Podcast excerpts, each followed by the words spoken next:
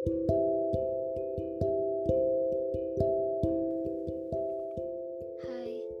hari ini gimana?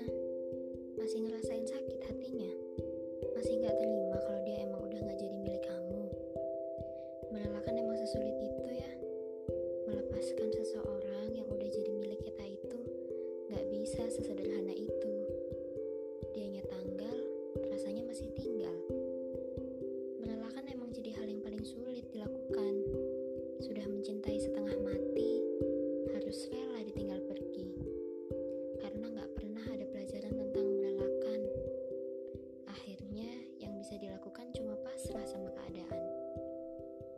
harus menjalani hidup dengan rasa sakit yang ada.